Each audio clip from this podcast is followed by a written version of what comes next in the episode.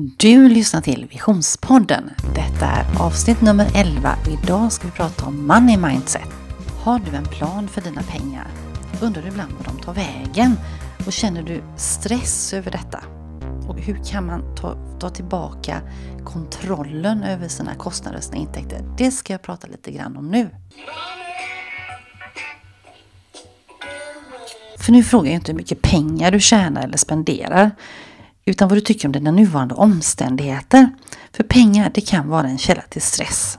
Man kan känna sig rädd och man kan känna sig begränsad. Hur många gånger har man inte skojat? Om jag hade pengar eller om jag vann en miljon då skulle jag göra det eller det. Och det är mycket saker man skulle kunna vilja göra om man hade lite mer pengar. En del säger att man blir inte lyckligare av mer pengar. Men samtidigt så kan det ju faktiskt underlätta att känna ett visst oberoende. Det kan ju faktiskt vara så att det är ett vackert verktyg och kan lösa en del problem. Man kan leva mer generöst och man kanske kan förändra världen.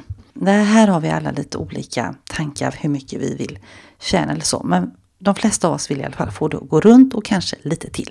Men hur du tänker på pengar, det avgör vilken roll de kommer spela i ditt liv. Och missförstå mig inte. Pengarna på ditt bankkonto spelar roll, men det är ju inte hela historien. Utan det är ditt penningtänkande som är rota sig i din uppsättning och, dina över och det här undermedvetna som du har om pengar. Hur du närmar dig detta, hur du tjänar, hur du sparar, hur du spenderar och hur du delar med dig. En del människor har väldigt lätt och har ekonomiska vanor som kan vara bra och då kan de ha lätt kanske för att spara och se över vad de vill göra och sätta sina mål. En del vanor kan vara lite dåliga eh, med tanke på att man spenderar mer än man tjänar och man ständigt känner att man ligger efter i det här ekorrhjulet då. Man tjänar 10 kronor men man gör av med 20.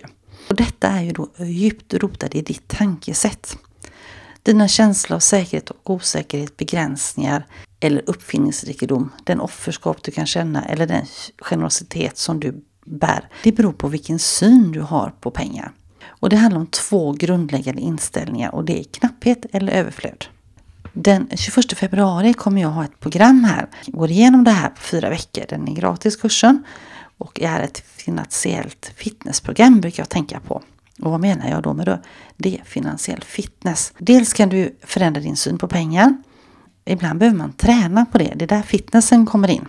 Förklara lite mer vad jag menar nu. Det är det här med money mindset. Det är ett väldigt populärt uttryck, speciellt i USA. Och jag har ju skrivit om det här lite tidigare, varför kvinnor inte tjänar mer pengar i sitt företagande än män då, utifrån en artikel jag hade läst. Och det handlar just om deras mindset, hur de tänkte då. Och mindset kan man prata om på många sätt. Man kan prata om det i sitt liv, eh, vad man tänker att man vill göra. För mindset betyder ju då tänkesätt och man mindset betyder då ditt sätt att tänka kring pengar. Så kan man då tjäna mer pengar med rätt mindset där säger jag ja på den frågan med den här utgångspunkten att man först har en plan. För det är precis som med allt annat man bestämmer sig för att göra och arbeta. Man måste arbeta kontinuerligt utanför en plan för att det ska fungera då. Och då måste man ha sitt mindset med sig. Det är precis som med träning, det är därför jag jämför lite grann med fitness. Om du vill kunna göra 10 armhävningar så måste du ha ett mål och då är det i detta fallet 10 armhävningar. Och så måste du ha en tidsram när ska du lyckas göra detta för att göra målet mer realistiskt? Så du kan inte göra en riktig armhävning idag, men om en månad har du bestämt dig för att du vill kunna göra 10 stycken. Och det räcker ju inte med att önska. Jag önskar jag kunde. För då är det ju bara en dröm, då har man inget riktigt mål. Utan man måste också utföra och träna på detta då. Och då börjar jag ju träna med armhävningar. Och då kanske jag börjar försöka göra en om dagen och så håller jag på tills jag kommer upp till här att jag lyckas med mina tio per månad. Jag tror du förstår vad jag menar. Så att allting handlar om detta. Hur ska jag lyckas? Och vad kommer då mindsetet in? Ja, har du inte ditt mindset med dig så kommer det ju inte gå. Då kommer du ge upp halvvägs. Men om du har det här målet tydligt för dig. Du kan också göra så att du har satt en belöning när den sker. Det här målet har skett. Då ska du belöna dig med att en ny träningstopp till exempel. Eller vad det nu kan vara. Någonting som du känner att det motiverar just det här målet. Och det var så här att i somras så hade jag en kurs med några deltagare som hette Förstå sina siffror på 30 dagar. Och då pratade vi mycket om det här med mindset med pengar. För det var först när de kursdeltagarna blev medvetna om de dolda kostnaderna som de hade i sitt företag. Och vikten då av att sätta ett riktigt intäktsmål och inte bara jobbade på. Så de förstod liksom hur viktigt det var med mindset och att detta var en nyckel då för deras företag, hur de kunde jobba framåt då, hur de kunde öka.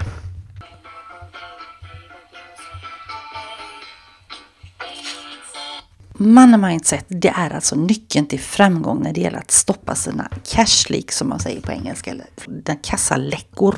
Och istället koncentrera dig på cashflow, alltså kassaflödet. Att när man börjar inse liksom, vad är det jag lägger mina pengar på, vad är det de går åt och hur mycket skulle jag behöva tjäna till exempel. Och som ett företag är det lättare, vi vänder sig som företagare här nu då, man sätter upp ett intäktsmål. Men för att kunna lyckas med det så behöver man lite verktyg om man inte har det idag då. Och då finns det fyra enkla knep som kommer förändra hela din synsätt på pengar och som kommer göra skillnaden. Och det är denna förändring i ditt sätt att tänka och agera kring pengar som kommer få en stor effekt. Hur, hur du kan lyckas med ditt liv och ditt företag. Det gäller inte bara för dig som är företagare utan även din privatekonomi då. Så då är det som så här att nu har jag en kurs som startar den 21 februari. Den är kostnadsfri, den är på fyra veckor. Hade varit trevligt om du vill vara med. Du kommer se länk till anmälan under programbeskrivning här. Och då går det till så här att varje måndag kommer ut en kursmodul online och det kommer även med lite uppgifter som du kan göra när du har tid och lust. Och sen varje torsdag har vi en gruppcoaching via Zoom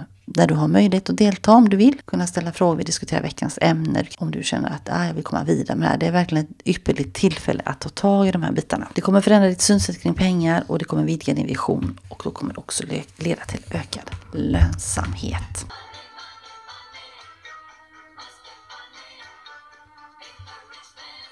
Ja, som man bara sjunger. Money, money, money must be funny. Och så kanske det. Men nu menar inte jag att vi ska bli helt fixerade vid pengar. Det finns mycket, mycket man kan tänka på kring detta. Och jag hoppas verkligen att du passar på det här tillfället att delta. Nästa veckas podd som kommer ut den 22 februari, då är det dags för en ny gäst igen.